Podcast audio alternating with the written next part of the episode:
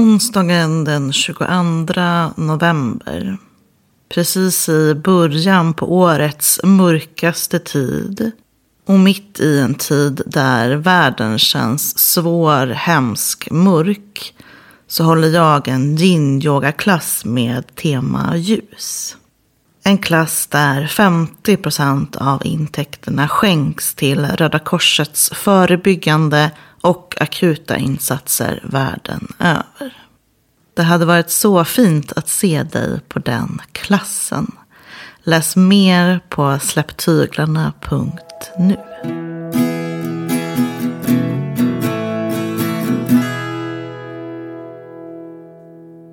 Kan du minnas första gången du skulle berätta om någonting som hände när du var i tonåren? Och du säger, men det var ungefär tio år sedan. För att sen inse att det absolut inte var tio år sedan, utan snarare 20. Jag minns inte riktigt första gången det hände mig, men jag som närmar mig 40 tycker att det här händer lite då och då. Att jag liksom måste rätta mig själv, fundera på hur länge sedan var det egentligen. Tio år sedan är liksom inte längre på 90-talet då jag växte upp. Och jag kan fortfarande bli lite förvirrad över att människor som är födda på tidigt 2000-tal är vuxna och har jobb idag. Det har ju hänt så mycket under de här 37, snart 38 åren som jag har varit i livet. Det har hänt saker med mig, med kroppen, med världen. Och samtidigt som det kan gå så långsamt ibland så går det också vansinnigt fort. Jag har tänkt så mycket kring kroppar, skönhetsideal, kroppsnormer, tjockhet, tjockhat, diet och skönhetsindustrin sedan jag var ungefär 13 år. Alltså ungefär typ 1999. Då fick jag nämligen boken Fittstim av min mamma. Och när jag väl hade tagit på mig de där feministiska glasögonen så har det inte varit möjligt att ta av dem sedan dess. Jag ser vår dietkultur som bland annat ett uttryck för vår kulturs rädsla inför döden. Jag tänker att det inte bara handlar om att med alla medel tillåtna försöka bli smal och hälsosam. Det är också som att den här smalheten kommer med ett löfte om att få vara frisk och få leva länge.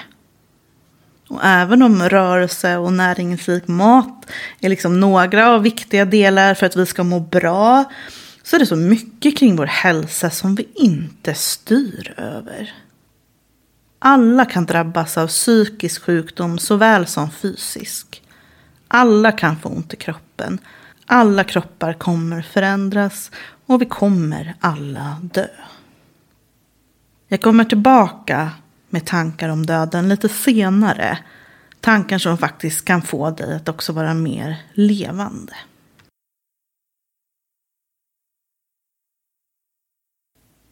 Jag googlar. Vad händer när man börjar bli gammal? När du blir gammal förändras kroppen både på utsidan och på insidan. Du kan till exempel få rynkor och grått hår. Du kan få ont på olika ställen i kroppen, bli stelare och tröttare. Du kan också börja se och höra sämre. När jag frågade er som följer mig på Instagram om vad ni tänker om åldrande så var det flera som svarade jag brukar tänka att alternativet är värre. Och svara om att det var ett privilegium att få åldras. Ett privilegium som inte är alla förunnat. Hur känns det här tankesättet i dig som lyssnar?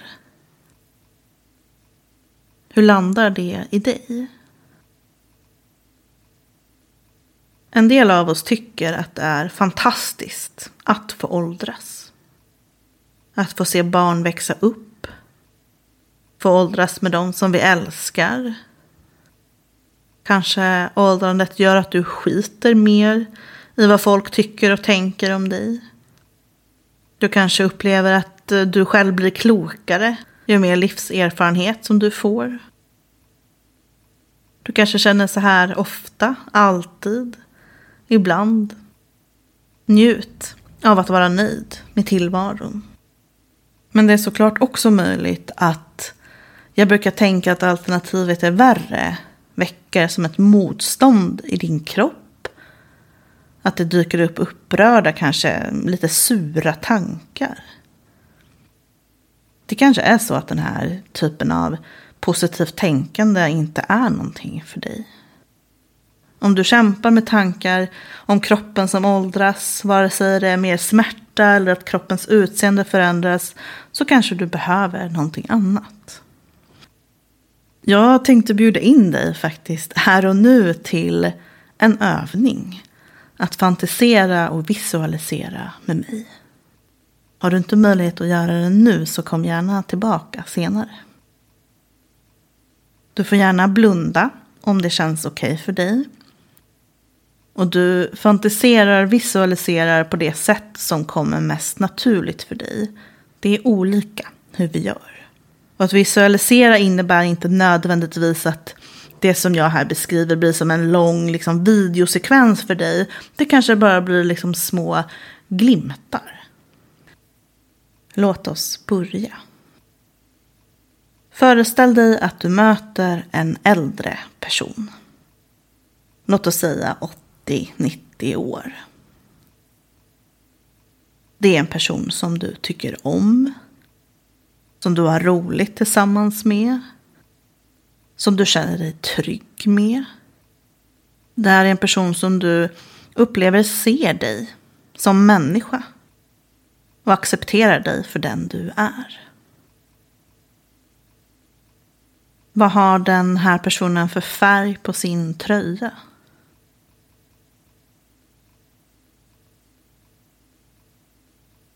Har den något smycke på sig?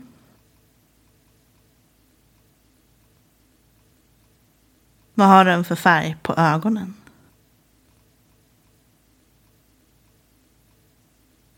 Den här personen har ont i sin kropp och behöver använda rullstol eftersom benen inte klarar av att gå längre.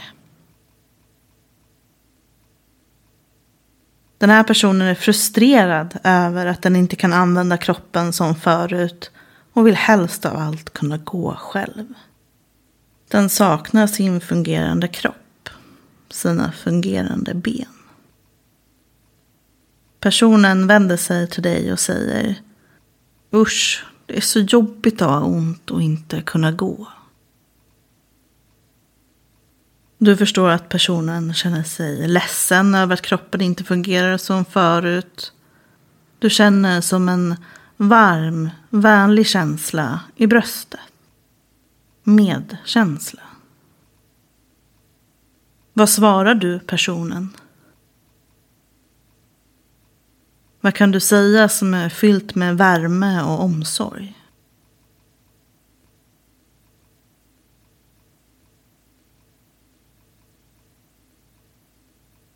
Personens hår går i nyanser av grått och vitt. Vad har den för frisyr? Hur ser personens rynkor ut kring ögonen?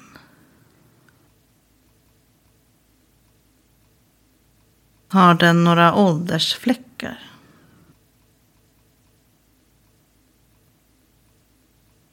Hur ser personens händer ut när den håller om rullstolens armstöd?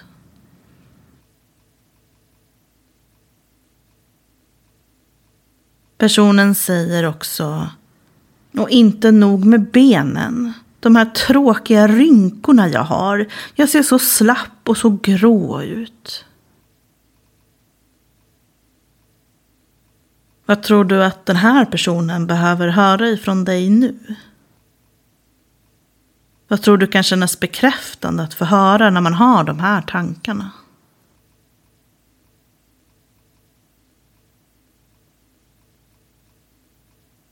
Kanske är orden som du tänker att den här personen behöver höra ifrån dig också något som du behöver höra ifrån dig själv. Ni kanske inte är i exakt samma situation. Men kanske kan det vara någonting med de där orden som du också behöver höra. Och övningen är slut. Tack.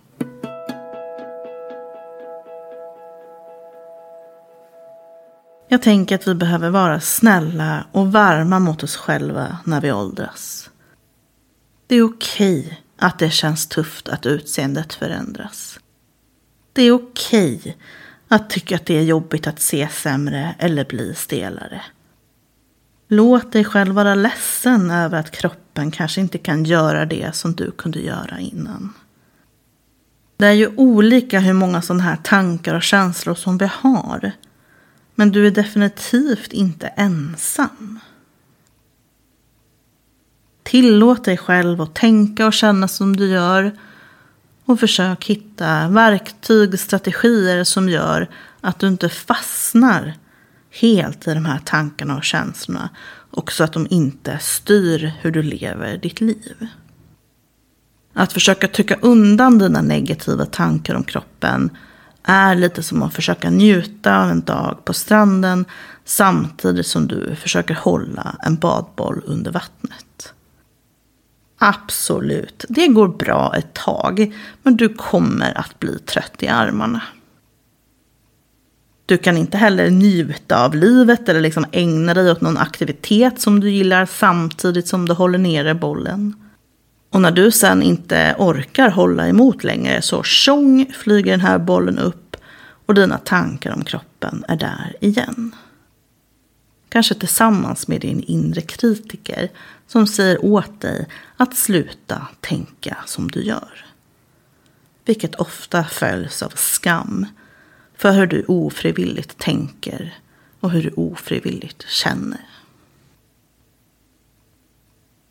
Tänk om du istället skulle kunna ha den här badbollen vid sidan av dig. Putta den framåt i vattnet där du simmar. Låta den ligga vid dig på stranden när du ligger och läser. Att du liksom kunde tillåta dig själv att ha de här tankarna om kroppen utan att kämpa emot men också utan att de tar över helt. Som en vapenvila med dina tankar. Jag funderar också på hur du som kämpar med kroppens åldrande och förändring kan hitta sätt att ändå vara artig, respektfull, kanske till och med omhändertagande mot din kropp. Kanske kan du prova att eh, stryka över de kroppsdelar där du har ont. Med en önskan om att vilja minska smärtan. Vi kan ju inte trolla bort det här onda. Men kanske att du kan med beröring ge dig själv och din kropp lite extra omsorg. Om det känns svårt och jobbigt med att ansiktet förändras, rynkor, huden blir slapp djupare. Kanske ditt ansikte, ditt huvud behöver en vänlig varm hand att vila sig mot. Dina stela leder kanske behöver yoga, mjuk rörelse, mer tid på sig att komma igång på morgonen. Hur kan du vara artig, respektfull och omhändertagande mot din åldrande kropp?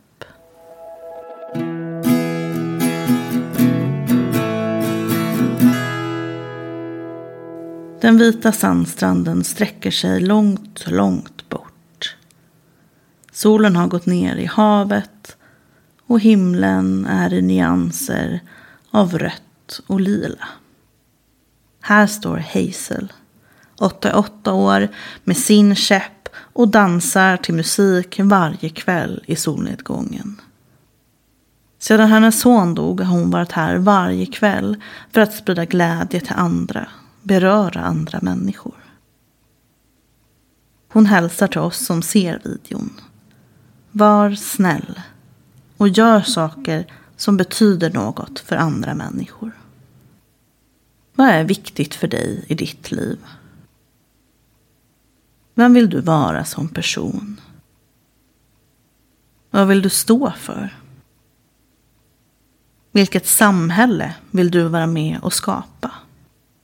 Det här är frågor som deltagarna i min kurs Kroppsrebell får fundera på och definiera i första modulen.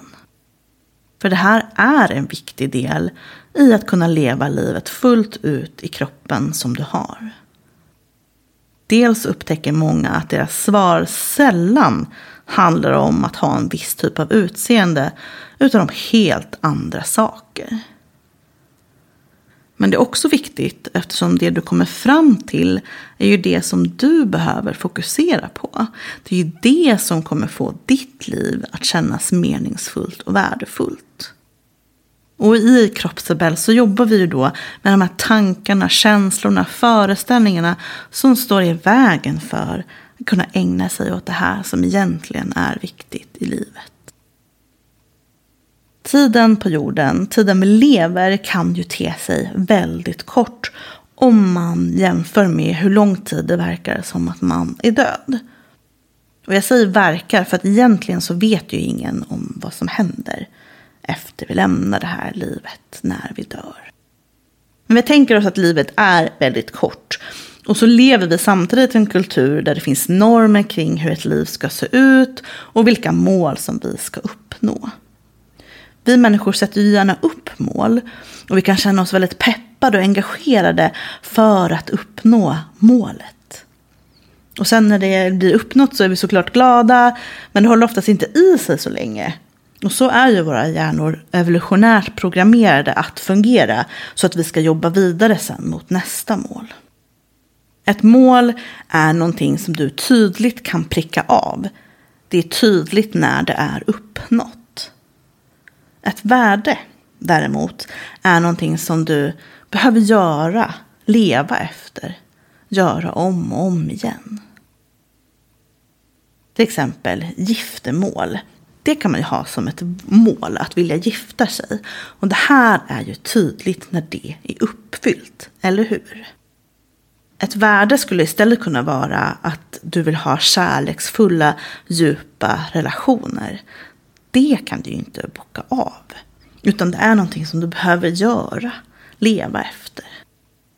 Det kan vara härligt och kul att bocka av mål. Men samtidigt kan det också bli ett ständigt jagande i livet efter att klara liksom nästa, nästa, nästa mål. Värden däremot är någonting som du kontinuerligt gör för att ditt liv ska kännas meningsfullt, värdefullt. För att du ska vara den personen du vill vara och stå för det som är viktigt för dig. Nu ska vi avslutningsvis tänka lite på döden igen för att bli mer levande. Om du tänker att du får bli, säg 80, 100 år. Vad önskar du då att människor som går på din begravning ska säga om dig? Vilka egenskaper ska de prata om att du hade? Vad vill du att de ska säga att ni gjorde tillsammans? Den här tanken och de här frågorna kan såklart kännas sorgliga. Att livet kommer ta slut en dag. Men det kan också ge dig väldigt skarpa svar på vad som är viktigt för dig. Och få dig att leva livet mer som du vill. Vara mer av den personen som du vill vara.